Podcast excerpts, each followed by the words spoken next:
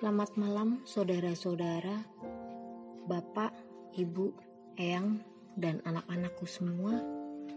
Malam ini bersama kami keluarga Pinandio Adi Prasetyo dari kelompok Hutan Kayu. Hari ini Selasa 26 Mei 2020 kita memasuki hari kelima dari rangkaian doa Pentakosta. Marilah kita memasuki saat teduh dengan menyanyikan Datanglah ya Roh Kudus.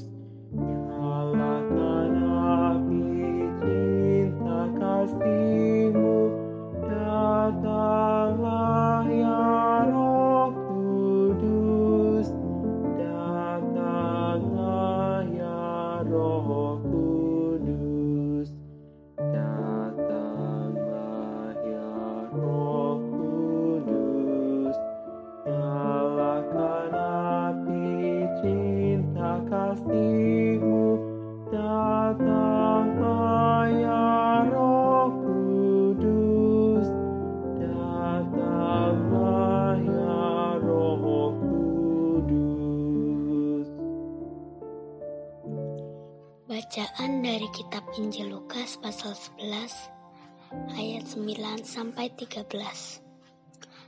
Lukas pasal 11 ayat 9 sampai 13. Jadi aku berkata kepadamu, mintalah, maka kalian akan diberi. Carilah, maka kalian akan mendapat. Ketuklah, maka pintu akan dibukakan untukmu. Karena orang yang minta akan menerima. Orang yang mencari akan mendapat, dan orang yang mengetuk akan dibukakan pintu. Di antara kalian, apakah ada ayah yang memberikan ular pada anakmu kalau ia minta ikan? Atau memberikan kale jengking kalau ia minta telur. Walaupun kalian jahat, kalian tahu juga memberikan yang baik kepada anakmu, apalagi Bapa di surga. Ia akan memberikan rohnya kepada mereka yang meminta kepadanya. Demikianlah sabda Tuhan. Lukas pasal 11 ini dimulai dengan cerita ketika Yesus sedang berdoa di suatu tempat, dan ketika ia berhenti berdoa, salah seorang muridnya meminta kepada Yesus untuk diajarkan berdoa, sama seperti Yohanes Pembaptis mengajarkan berdoa kepada para murid-muridnya. Sesudah itu, Yesus mengajarkan mereka berdoa yang di dalam Injil Matius yang dikenal dengan doa Bapa kami. Akan tetapi, di dalam Injil Lukas tidak selengkap dengan Matius. Lukas mengakhiri doa tersebut dengan kata, "Dan janganlah membawa kami ke dalam cobaan." Berbeda dengan Matius yang menulis doa Bapa kami dengan kalimat penutup. Lukas pasal 11 ayat 5 sampai 8 adalah perkataan Yesus yang merupakan bagian dari jawabannya atas permintaan murid-muridnya tentang bagaimana berdoa yaitu suatu analogi tentang seseorang yang meminta roti kepada sahabatnya pada tengah malam. Orang yang dimintai roti tersebut tidak menolak apa yang menjadi permintaan sahabatnya yang tidak tahu malu itu pada waktu tengah malam ia tetap memberikan apa yang diminta sahabatnya. Sesudah itu, Lukas membawa pemikiran pembacanya lewat analogi tersebut. Ia langsung memberikan suatu ajaran Yesus tentang meminta sesuatu. Ayat 9 dan 10. Dalam analogi tersebut, para pembacanya mengetahui bahwa sebuah permintaan akan dikabulkan. Meskipun sebenarnya si pemberi roti itu merasa terganggu dengan permintaan tersebut. Jelas bahwa analogi tentang seorang sahabat yang meminta roti adalah untuk mempertegas ayat 9 dan 10 tentang meminta dan pengabulannya. Dalam ayat 9 merupakan ajakan atau perintah Yesus dalam hal meminta sesuatu dan kepastian untuk mendapatkan hasilnya dari usaha-usaha tersebut. Sedangkan ayat 10 adalah akibat jika meminta sesuatu atau janji bagi mereka yang melaksanakan apa yang diperintahkan untuk dilakukan itu, yaitu kegiatan meminta, mencari, dan mengetuk. Bentuk gambaran akan apa yang terjadi ke depan memberikan pengertian bahwa pemenuhan itu akan dilaksanakan dan digenapi. Jika dilihat dari konteks selanjutnya, dalam Lukas pasal 11 ayat 11 sampai 13 maka kembali lagi Yesus memberikan suatu contoh Bapa yang jahat yang bisa memberikan pemberian yang baik kepada anaknya. Hubungan antara bapak dan anak adalah gambaran hubungan yang dekat dan merupakan hal yang biasa apabila seorang anak meminta sesuatu pada bapaknya. Kemudian ia bandingkan lagi Bapa yang jahat ini dengan Bapa di sorga, yang artinya Bapa yang jahat itu tahu memberikan hal yang baik kepada anaknya, apalagi jika meminta kepada Bapa di sorga. Yang menjadi pertanyaan, apa yang menjadi permintaan itu? Tentu ini semua harus melihat konteksnya yang dapat dilihat dalam Lukas 11 ayat 13. Jadi, jika kamu yang jahat tahu memberi pemberian yang baik kepada anak-anakmu, apalagi Bapamu yang di surga, ia akan memberikan roh kudus kepada mereka yang meminta kepadanya. Penyebutan roh kudus ini merupakan pencantuman doa untuk datangnya roh kudus Ayat 13 adalah ayat penutup pembahasan dari ayat pertama dan ayat selanjutnya tidak membahas tentang doa atau meminta akan tetapi membahas tentang Yesus menyembuhkan orang yang bisu. Ayat 13 adalah inti dari apa yang ingin Yesus sampaikan kepada murid-muridnya menurut Lukas. Dilihat dari konteksnya, maka dapat ditarik suatu kesimpulan bahwa yang diminta kepada Bapa menurut perikop ini adalah Roh Kudus. Dengan meminta maka akan diberikan. Dengan mencari maka akan ditemukan. Dan dengan mengetuk maka akan dibukakan. Ini merupakan suatu akibat atau janji jika melaksanakan apa yang telah Yesus perintahkan. Mintalah, carilah, ketuklah untuk dilakukan. Jika terus meminta Roh Kudus, maka Bapa di sorga akan memberikannya. Sebab ini adalah perintah, dan Dia berjanji akan memberikan Roh Kudus itu Meminta adalah bentuk doa yang Yesus berikan untuk dilakukan oleh para pendengarnya pada saat itu. Perkataan Yesus dalam Lukas 11 ayat mengajarkan untuk terus meminta kepada Bapa di surga. Dan dia akan memberikan apa yang telah diminta itu. Dalam permohonan atau doa meminta, Bapa berjanji akan memberikan karena dia sendiri yang mengajak untuk meminta. Oleh sebab itu, firman tersebut harus diyakini bahwa Bapa akan mengenapinya.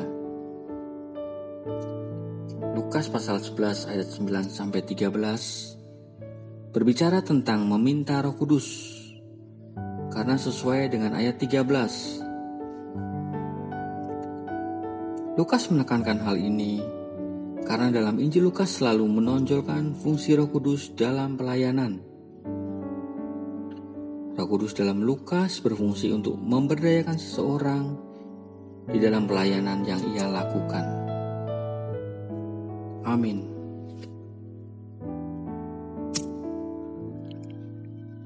Malam ini kita hendak bersama-sama berdoa untuk para pemimpin bangsa di dunia dan negara Indonesia. Kita awali dengan menaikkan doa Bapa kami bersama berikut. Bapa kami yang ada di surga, dikuduskanlah namamu. Datanglah kerajaanmu, jadilah kehendakmu di bumi seperti di surga. Berikanlah kami pada hari ini makanan kami yang secukupnya. Dan ampunilah kami akan kesalahan kami, seperti kami juga mengampuni orang yang bersalah pada kami, dan janganlah membawa kami ke dalam pencobaan, tetapi lepaskanlah kami dari yang jahat, karena Engkaulah yang punya kerajaan dan kuasa dan kemuliaan sampai selama-lamanya.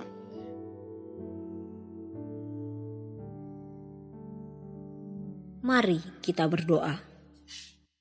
Ya Tuhan Allah kami, Kembali kami menghampiri kekudusanmu, mengucap syukur atas pemeliharaan dan penyertaan Tuhan atas kami dalam melewati situasi pandemi COVID-19 ini.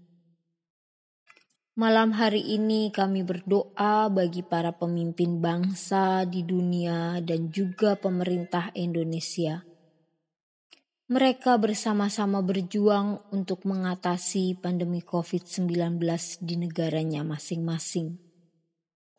Pandemi ini tidak mudah dihadapi jika dihadapi sendiri. Kami mengucap syukur para pemimpin bangsa membuka kerjasama antar negara untuk bersama-sama menghadapinya.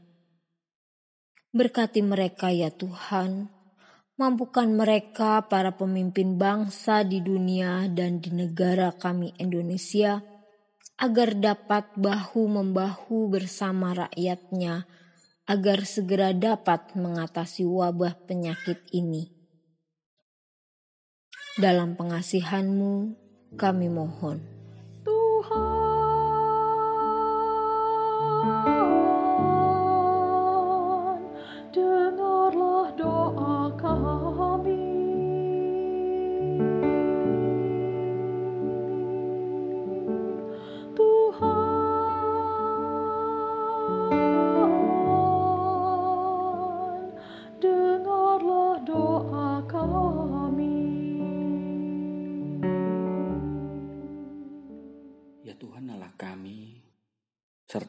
pemimpin-pemimpin negara kami Indonesia, baik di pemerintahan pusat maupun di daerah, dalam mereka menyediakan kebutuhan negeri kami untuk memerangi pandemi ini.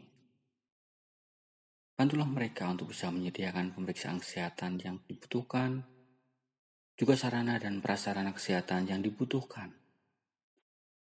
Berikanlah mereka hati yang tulus, hati yang melayani, hati yang penuh cinta kasih, dan semangat untuk saling membantu, menolong bangsa ini agar terbebas dari pandemi COVID-19 ini. Kami menyadari, tanpa kekuatan darimu, kami tidak dapat melakukannya sendiri. Dalam pengasihanmu, Kami mohon. Tuhan,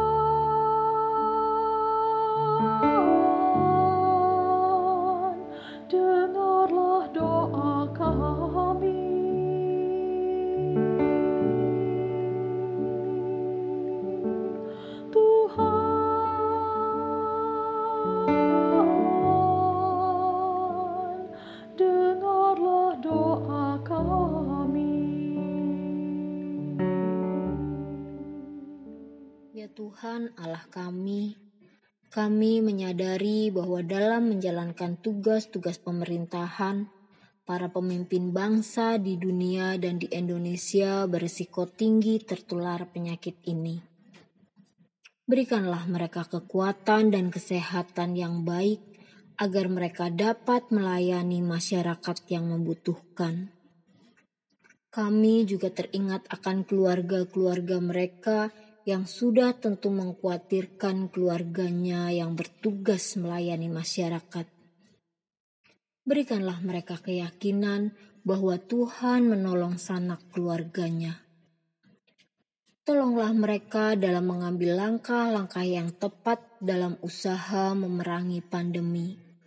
Dan berikanlah mereka hikmat dan kebijaksanaan dalam memutuskan hal-hal yang pelik agar mereka dimampukan memutuskan yang terbaik untuk kepentingan bangsa dan negaranya masing-masing. Dalam pengasihanmu, kami mohon. Tuhan,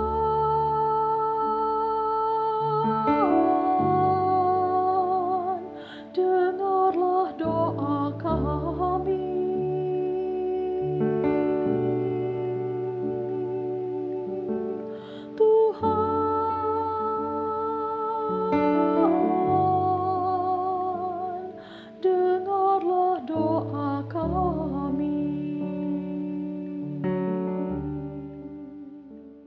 Ya Tuhan Allah kami, masa puncak pandemi COVID-19 di Indonesia belum dapat ditentukan karena penambahan jumlah kasus baru masih fluktuatif. Pemeriksaan massal masih menjadi kendala utama di negara kami. Minimnya pengetesan dan lambannya hasil tes menyebabkan pelaporan kasus infeksi dan penanganannya berjalan lambat. Oh Tuhan, tolonglah para pemimpin negara kami untuk segera mengatasinya dan mampu untuk mengendalikan penyebaran penyakit ini. Dalam pengasihanmu, kami mohon. Tuhan,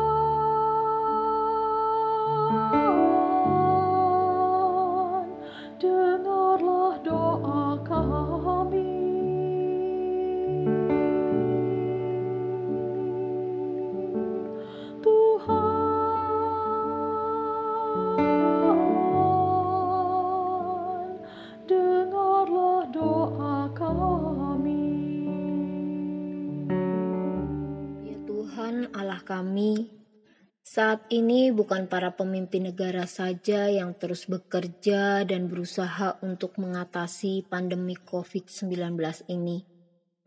Tapi kami masyarakat di dunia dan di Indonesia memiliki tugas dan tanggung jawab yang sama untuk bersama-sama pemerintah mengatasi pandemi ini.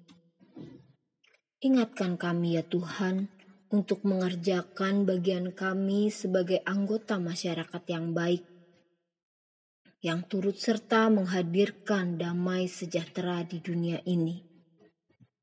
Tolonglah kami ya Tuhan, ingatkan setiap kami mengambil bagian dengan cara tinggal dan mengerjakan banyak hal yang positif dan berguna di rumah kami masing-masing. Inilah doa kami.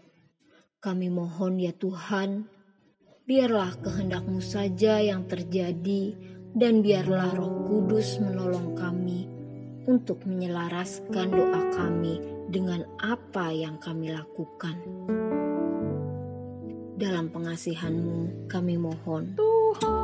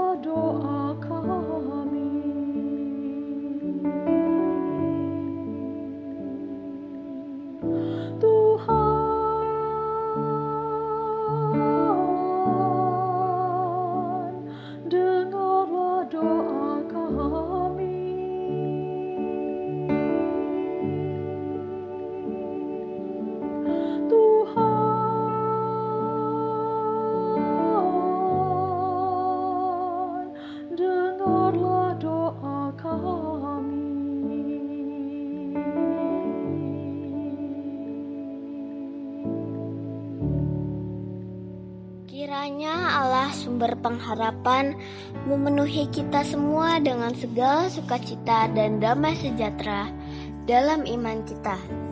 Supaya oleh kekuatan roh kudus kita berlimpah-limpah dalam pengharapan. Selamat malam, selamat beristirahat. Tuhan menjaga kita semua.